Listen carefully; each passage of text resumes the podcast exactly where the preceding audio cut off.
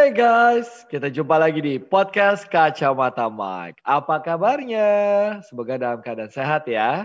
Daripada bengong-bengong, mendingan nih kenalan sama sahabat gue. Namanya Dian Mirsa. Sudah tahu dan? Dia ini host sekaligus profesional network marketer. Pemenang Panasonic Global Award juga loh. Langsung yuk kita telepon. Halo? Halo? Halo, dengan Ibu Dian Mirsa. Iya, betul. Siapa ya? Iya, saya kebetulan ini uh, pegawai PLN, Bu. Mau mencoba mencari tahu apa Ibu ada kepentingan untuk menambah daya?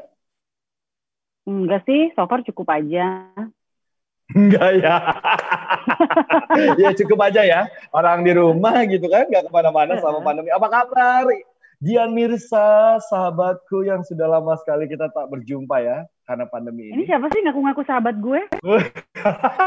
so nggak kenal Michael. Uh, Michael, Michael. Michael mana? Michael mana Michael ya? Chandra. Michael Chandra banyak oh, ya Michael ya. ya. Allah, Pak Bos. Kalau Michael Chandra cuma satu dong. Bisa aja. Eh, Ica. Halo. Apa kabar? Eh. Sibuk apa nih? Tumben lo telepon gue. Iya dong. Ini karena gue pengen ngajakin lo cerita-cerita seru sama teman-teman di podcast Kacamata Main. Wih. Gak apa-apa kan? Gak ganggu kan? Gak apa-apa sih, mumpung anak gue lagi tidur. So far masih tidur. Jadi kalau ada backsound-backsound suara suara uh, tangisan bayi ya itu anak gue. ya, ini ibu yang teladan nih gitu ya. Bukan gitu, Mike. Kagak ada neni gue. Jadi lo bayangin dong, gue kerjain rumah sama sama ngurus anak ya, sama laki gue aja udah nih. Belum Wah. jadi ngambil ART. Mm -mm. Tapi hebat, berarti itu mandiri, Cak. Sekarang, karena lo mumpung anak lo lagi tidur, gue kasih tes aja ya, gimana? Siapa? tes. Rapid tes. tes namanya sekarang ya.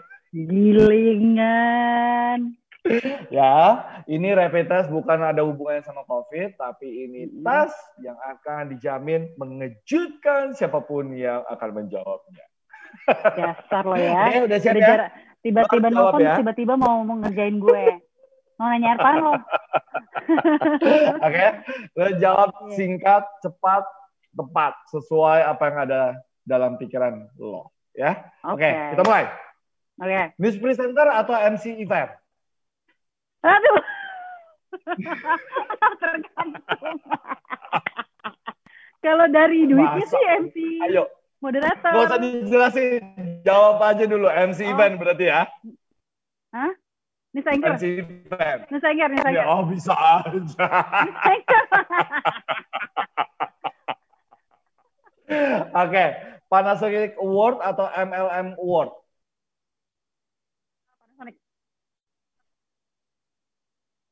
Hah? Panasonic. Panasonic. Oke. Okay. Pekerja atau entrepreneur? Entrepreneur. Oke. Okay. Max 5 atau BTS? uh, BTS.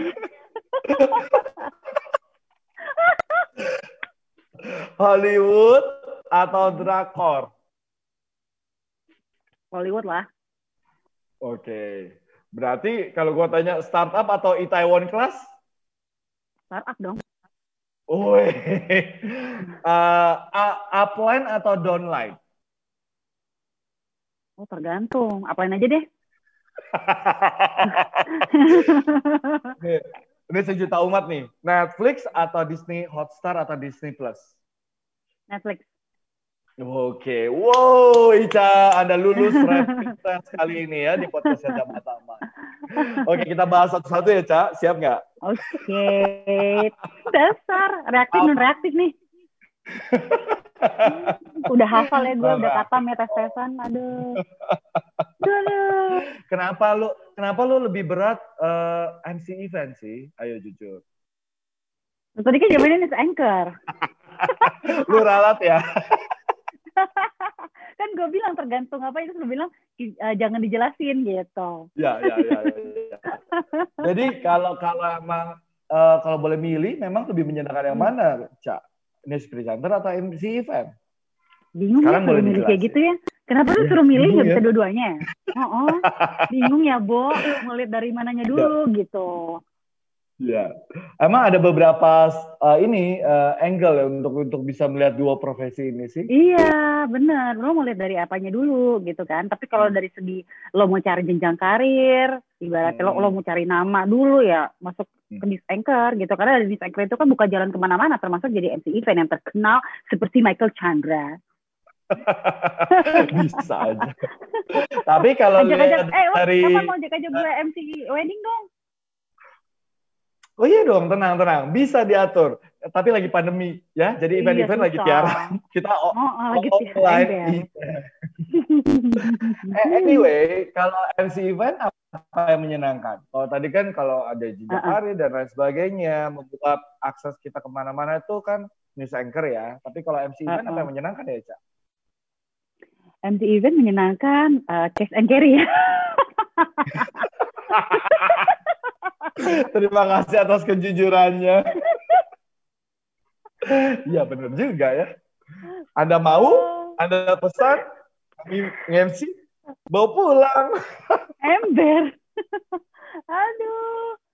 MC event ya bisa kenal-kenal orang juga sih. Cuman ya tergantung eventnya Mike. Nah ini gue gue tuh sebenarnya masih belajar banget yang namanya kayak lo nih jadi MC wedding tuh kan gue jarang banget gitu. Terus juga Ya. kayak MC yang benar-benar semi formal itu gue juga jarang banget dapat. Jadi mungkin apa karena gue nggak juga sih banyak juga yang uh, news presenter tapi dia bisa juga yang non formal. Gue tuh kaku banget loh yang non formal loh.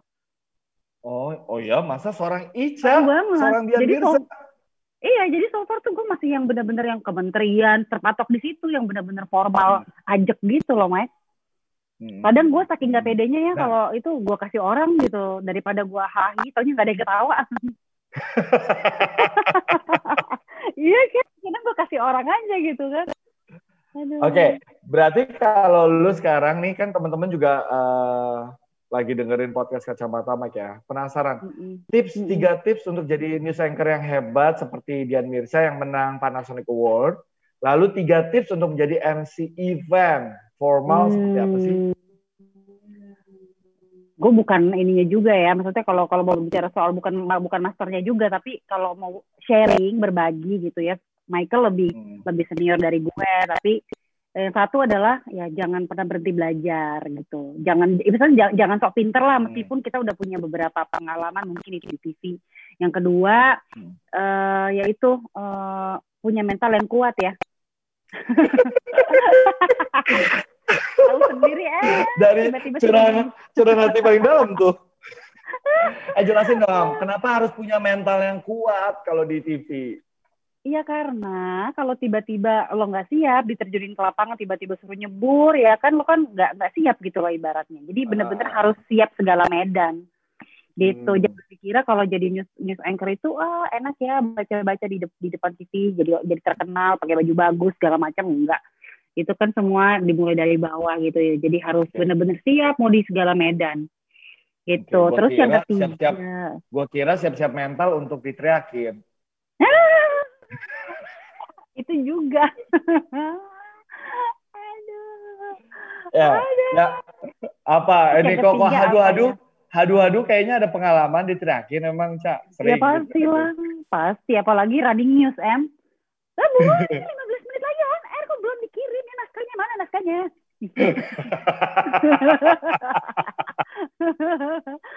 gitu. Terus apa lagi yang ketiga ya, Mek ya? Yang ketiga ya eh oh, harus positif, harus berpikir positif. Bahwa se- Ya. semuanya kita lewat, memang harus dilewatin semuanya Hmm. gitu. Jadi jangan Betul. kira kayak ih Michael kok tugasnya enak ya kayaknya eh udah punya program sendiri gitu dia di studio dulu misalnya jangan kayak gitu gitu semuanya Ya, juga ya. ada ada porsinya masing-masing. Itu Betul, aja sih. betul. Jadi Wow. eh, jangan pernah berhenti belajar. Kedua eh, punya mental yang kuat. Ketiga positif. Wow. Terus kalau jadi MC event apa ya mas? apa dong? Tiga dong. MC Tiga. event. MC event harus eh, luas. Luas dalam artian kita eh, apa namanya? apa ya down to earth sama klien. Jadi kalau misalnya disuruh briefing, janjinya cuma satu kali, tapi ternyata Mbak Dian eh, boleh nggak ketemuan lagi misalnya gitu kan untuk ngebahas ini. Padahal janjinya cuma sekali briefing, tapi ya nggak apa-apa gitu. Hmm. Itu luas, terus juga apa ya eh, fleksibel, harus fleksibel Iya. jadi MC gak bisa kaku ternyata terus apa Fleksibel ya dalam gaya atau dalam pembayaran? jangan dong fleksibel ini fleks jangan pembayaran dong itu harus itu kalau itu harus pajak sesuai ya, kontrak harus ojek ya. Iya, sesuai kontrak. Betul, betul. terus Terus yang ketiga? ya adaptasi Oh, adaptasi. Mm-mm. ya.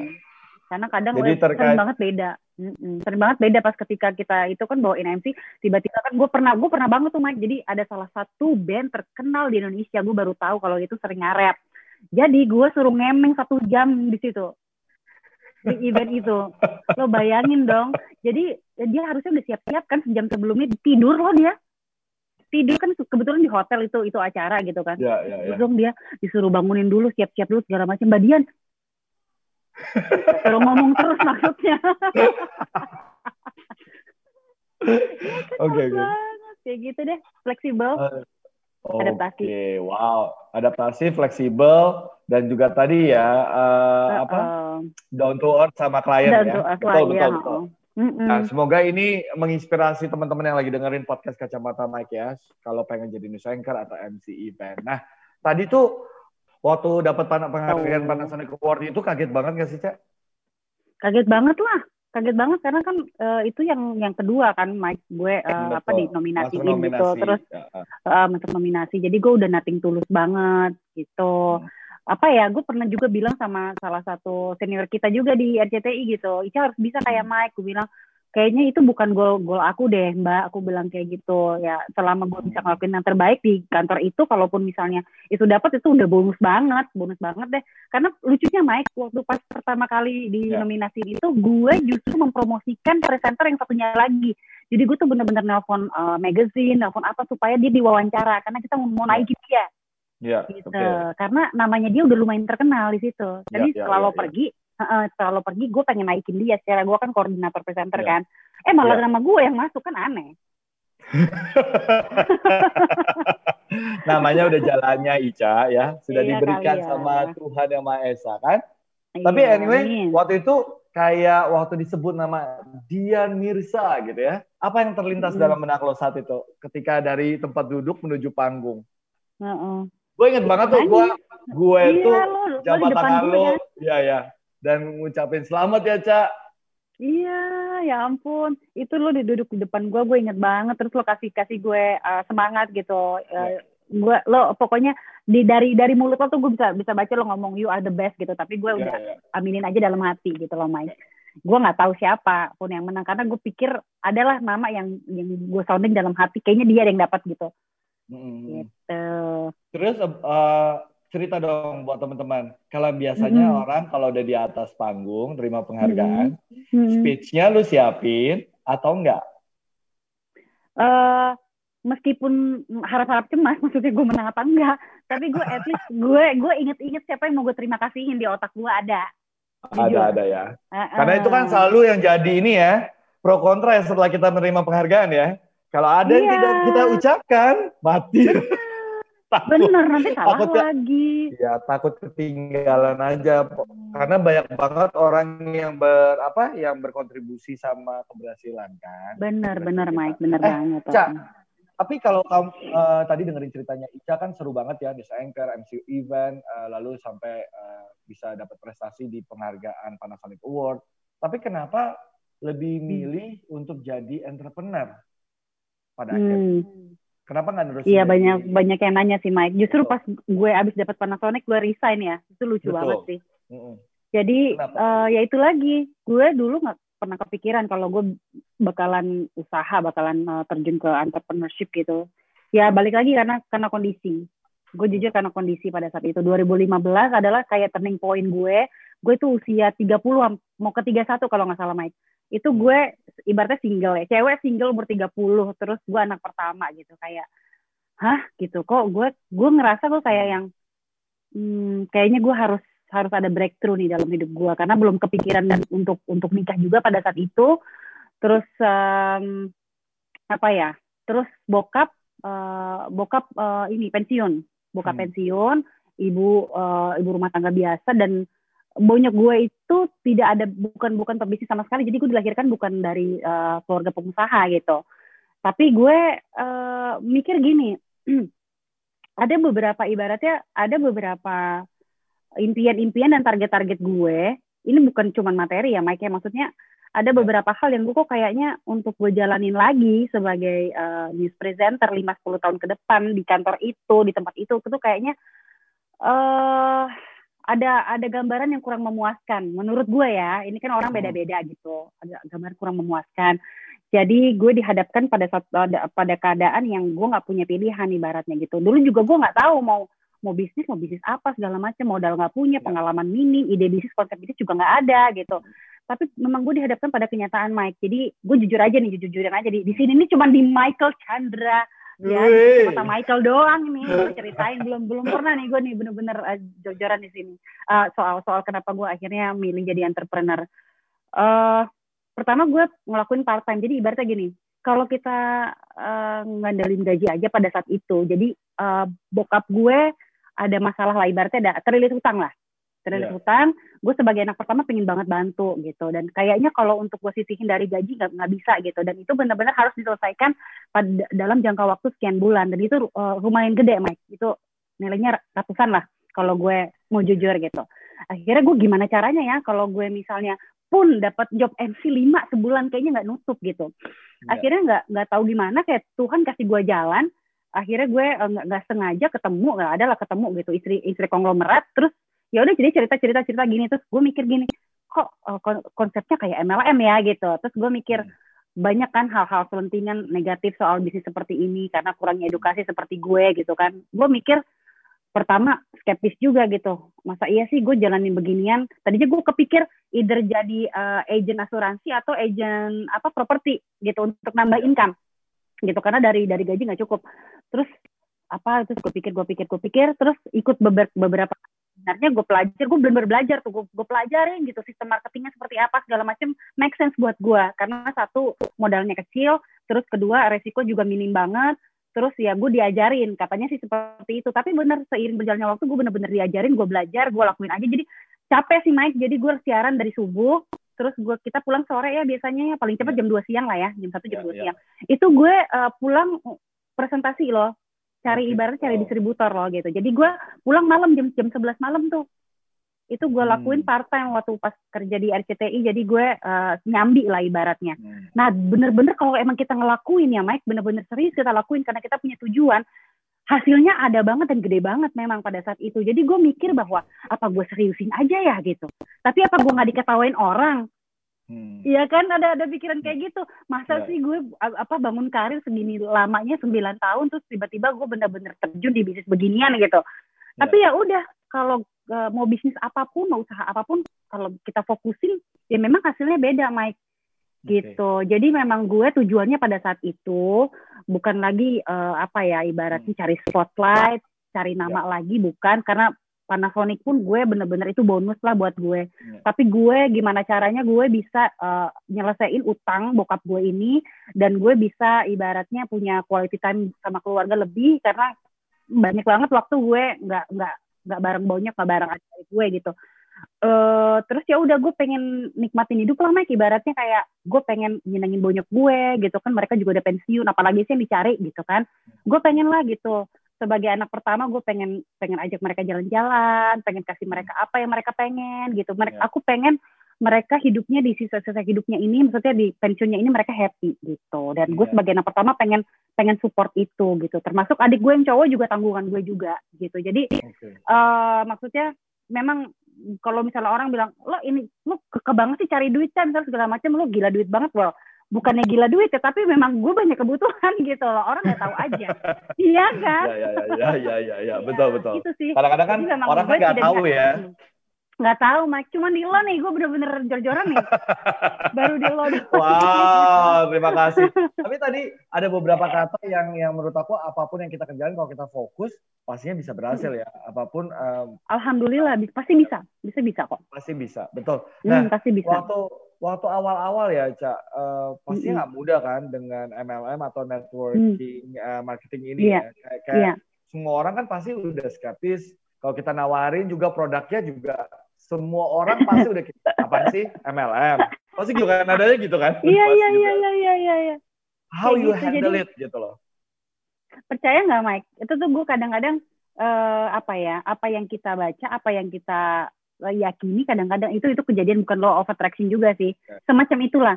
Gue tuh pernah baca bukunya Mary Riana makanya pas ketika lo punya program dengan Mary Riana itu tuh kayak oh my god gitu. Gue ketemu orang ini yang gue baca bukunya gitu loh. Dua kali gue baca bukunya dia Iya, gitu iya. juta dolar. Itu gue Iya. sangat terinspirasi loh sama dia. Bener-bener sangat terinspirasi kayak yang ya udah nggak usah. Dari situ gue bener-bener belajar kayak oh seorang Meridiana harus punya mental yang kuat dah gue juga harus punya mental yang kuat mau bodo amat mau gue dijinyirin kayak mau gue diketawain gue punya goal Mike Hmm. kan gue punya goal yang gue kerjain kan halal Iya. Lagian sistem marketing plan-nya menurut gue sih pada saat itu ya, gue sebagai karyawan, gue pada saat itu yang mencari income tambahan, itu gede banget, Mike. Iya, gitu. iya, Jadi kalau gue kerja jadi targetnya tuh terukur gitu. iya. Kadang-kadang gue mikir apa gue kalau di kantoran gue cocok juga jadi sales kali ya. gue senang ditargetin ternyata Mike. gue senang ditargetin. Kalau segini Iya, iya. segini jual segini ya kan. Segini segini segini oh gue dapat sekian bonus sekian gitu. Gue senang juga ternyata gitu. Mungkin mestinya ada ya dulu waktu lu nyari berita ya. Kalau lu Iya. dapat 10 berita, lu dapat bawa pulang. Uh makin semangat gue. Oke, ketika lu mencoba menjalankan kehidupan lu ya sebagai entrepreneur eh, di networking, eh, marketing atau Hmm. MLM ini ya, pernah nggak Hmm. lu kesulitan untuk bisa eh, bercerita soal ya MLM lu kepada Hmm. orang-orang yang lu, lu pengen ikut ajak gitu? Mm-mm. Mereka nolak Ada lah. yang paling sulit diajak itu adalah keluarga, Mike. Keluarga sama sahabat terdekat kita gitu. Karena mereka mikir apa ya? Mungkin kita mau ambil keuntungan dari gue mau ngambil keuntungan dari dia atau mereka nggak nggak percaya dengan kemampuan kita segala macam ya itu. Jadi orang yang sebenarnya yang yang yang mindsetnya yang dibenerin gitu. Kalau bahwa ini hanyalah penawaran, ini hanyalah offering, you mau ambil mau enggak terserah gitu. Hmm. Jadi mindset gue tuh dirubah di situ. Jadi nggak sakit hati. Tapi kalau kita Hmm. udah mau ketemu orang, terus kita mau, mau niatnya adalah untuk ibaratnya dia membeli produk kita atau kita mau merekrut dia, ya udah sakit hati yang ada. Apalagi sahabat sendiri yang nolak ya kan, Hmm.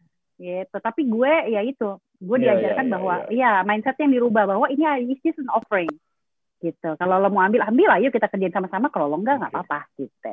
Sorry, Ya sorry. kan lo bilang kan ada nggak sih kesulitan? Ada. Kalau misalnya gue awal-awal yang gue ketemu adalah misalnya CEO segala macam gitu-gitu. Itu gue mesti didampingi dengan orang yang lebih ahli lagi gitu. Karena kan gue belum punya pengalaman banyak. Ntar orang lihatnya kayak, ini apa sih anak kecil gitu. Hmm. Ngomongin ngomongin eh, ratusan juta miliaran bener apa gitu. Juga nggak ada tampang ibaratnya gitu ya. Jadi Ya, ya. gue harus didampingin gitu aja sih. Yang penting mau belajar itu aja Mike. Bisnis apa pun yang penting mau belajar. Ya. Nah, tadi kan lu bilang lebih enak jadi upline daripada downline. Memang betul. Aduh, itu kan karena suruh milih. Iya. Sebenarnya, kalau- eh, eh, sebenarnya kalau pun jadi eh, eh, downline jadi partner juniornya pun nggak apa-apa kan bisa banyak Hmm. belajar. Cuman kalau suruh milih jadi upline itu mungkin karena udah lebih eh, banyak pengalaman, network networknya lebih luas, ya lebih jaringannya lebih lebih ibaratnya eh, basisnya lebih kuat gitu. Jadi kita bisa eh, ya bisa leverage bisa leverage income-nya lebih banyak dan bisa Ya. belajar lebih banyak lagi dan bisa mengeduket banyak orang. Oke. Jadi Nah, berkat lebih banyak orang. Betul, betul. Nah, Ica kan eh, tadi bilang eh, dengan MLM ini yang paling penting untuk dibenerin adalah mindset orang dulu terhadap bisnis, Mm-mm. gitu kan, peluang bisnis itu. Mm-mm. Nah, Cak, tapi dampak dari MLM, lu nawarin ke Mm-mm. beberapa orang, mau di mereka Mm-mm. terima, mau ikutan atau enggak ya terserah. Yang penting nawarin Mm. dulu kan. iya benar. Ka- eh, lu ngerasa nggak lu dijauhin sama teman-teman lu karena bisnis Pasti, MLM Mike. ini? Pasti pasti.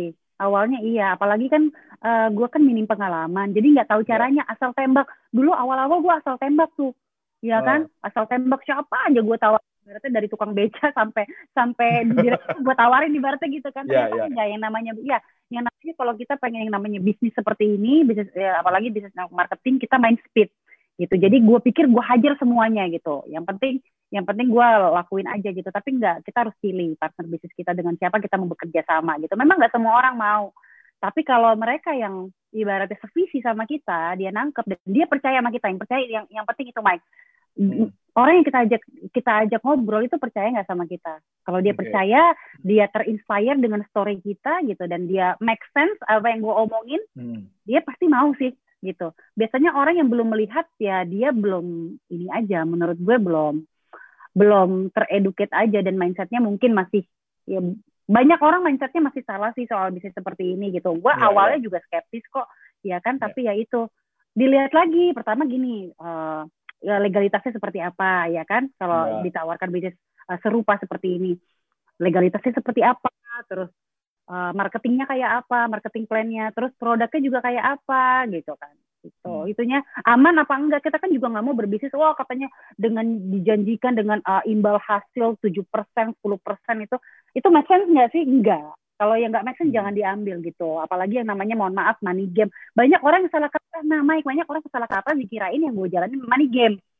Oke. Ada banget temen gue bilang kayak gitu, lo jalanin money game gila lo cah ini kan gini-gini nggak takut ketangkap polisi. Bukan beda banget. Jadi dia belum Iya. teredukasi. Bedanya money Oke. game, scam dengan eh, network marketing apa dia belum tahu.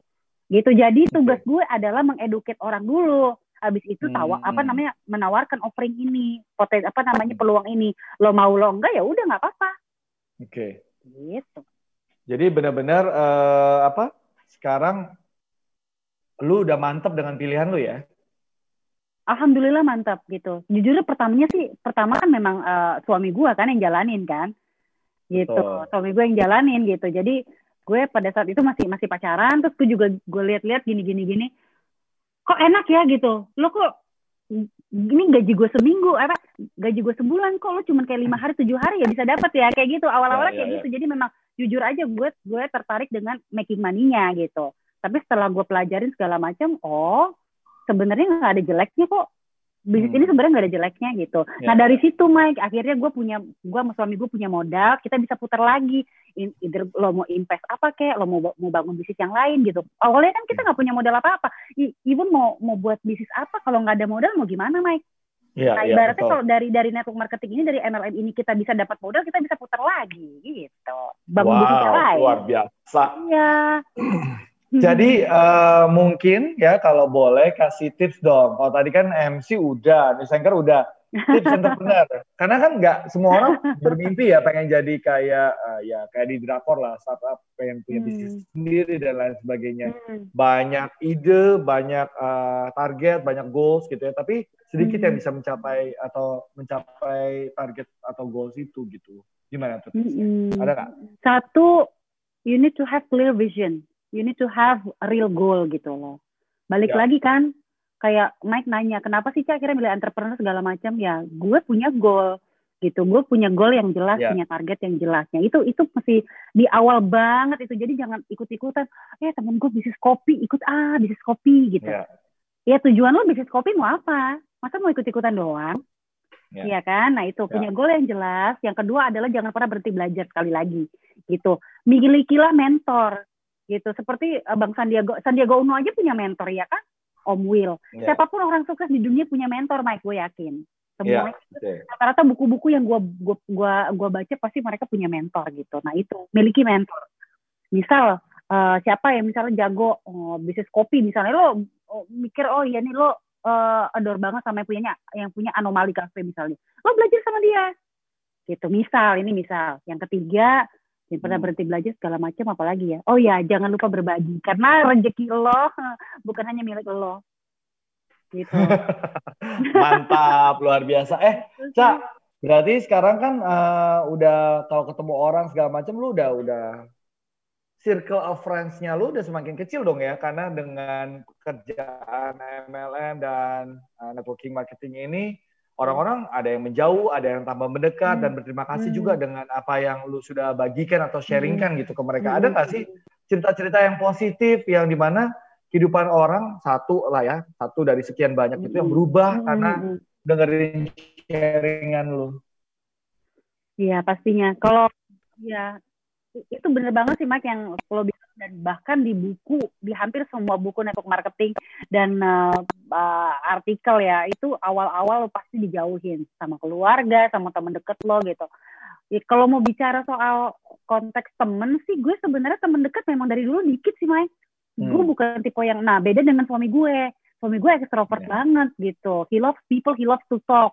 Sedangkan Ya. gue memang ya lo tahu sendiri lah gue diajak makan aja kan gue kadang-kadang aduh gimana gimana gitu. Ya. Nah, hmm, ya, kalau dijauhin ya memang ya ya nggak enak awal-awalnya dijauhin gitu. Tapi ya itu cara gue salah. cara gue Hmm. salah, mindset gue salah. Nah, Hmm. ketika mereka ta- tapi itu lagi kita buktiin aja, kita kita pembuktian, kita tetap fokus, tetap fokus aja jalanin fokus, fokus, fokus sampai alhamdulillah ada hasilnya. Nanti kan orang lain juga ngeliat sendiri yang pernah menolak itu, ya kan? Iya. Kita lihat sendiri, oh ternyata dijalanin Ica nggak scam kok gitu, bukan illegal business kok gitu, kan segala Hmm. Ada hasilnya juga kok, ya mereka nanti lihat sendiri gitu. Jadi bukan yang sebenarnya eh cuma jauh paling awal-awal doang kan karena takut mereka takut di prospek sama gue kali padahal gue ajak ketemuan belum tentu gue prospek gitu Kan ada banget tapi ya justru lu. tapi justru makin luas lagi Mike karena kan gue kan sering diundang tuh event-event luar luar negeri tuh Hmm. jadi gue punya banyak teman akhirnya sekarang di luar jadi kalau misalnya gue Oh. mau ke mana ada siapa bisa dikontak gitu Oh, seru dong. Iya, karena kan platformnya global. Kebetulan yang gue Ya. pilih platformnya global gitu. Jadi Oke, oke. enak justru network gue makin luas sekarang. Ada nggak yang kira-kira sekarang lu share di Instagram dan lain sebagainya kan ada tuh cerita-cerita sukses lu. Ada yang tadi yang skeptis tuh tiba-tiba gila hebat banget ya Ica ya. Gue ikutan Ca atau nelfon lu. Ca, gue jadi tertarik deh. Ada Ada, ada, ada juga yang tetap kekeh nggak mau ada. Ini pertanyaan yang perlu lu jawab. Seandainya lu dikasih tombol untuk bisa meriset hidup lu, lu kira-kira akan meriset bagian mana dalam hidup lu?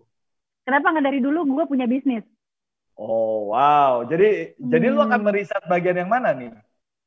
Bagian mungkin yang dari gue kuliah kali ya. Dari gue kuliah, gue punya, gue udah belajar bisnis dari gue kuliah.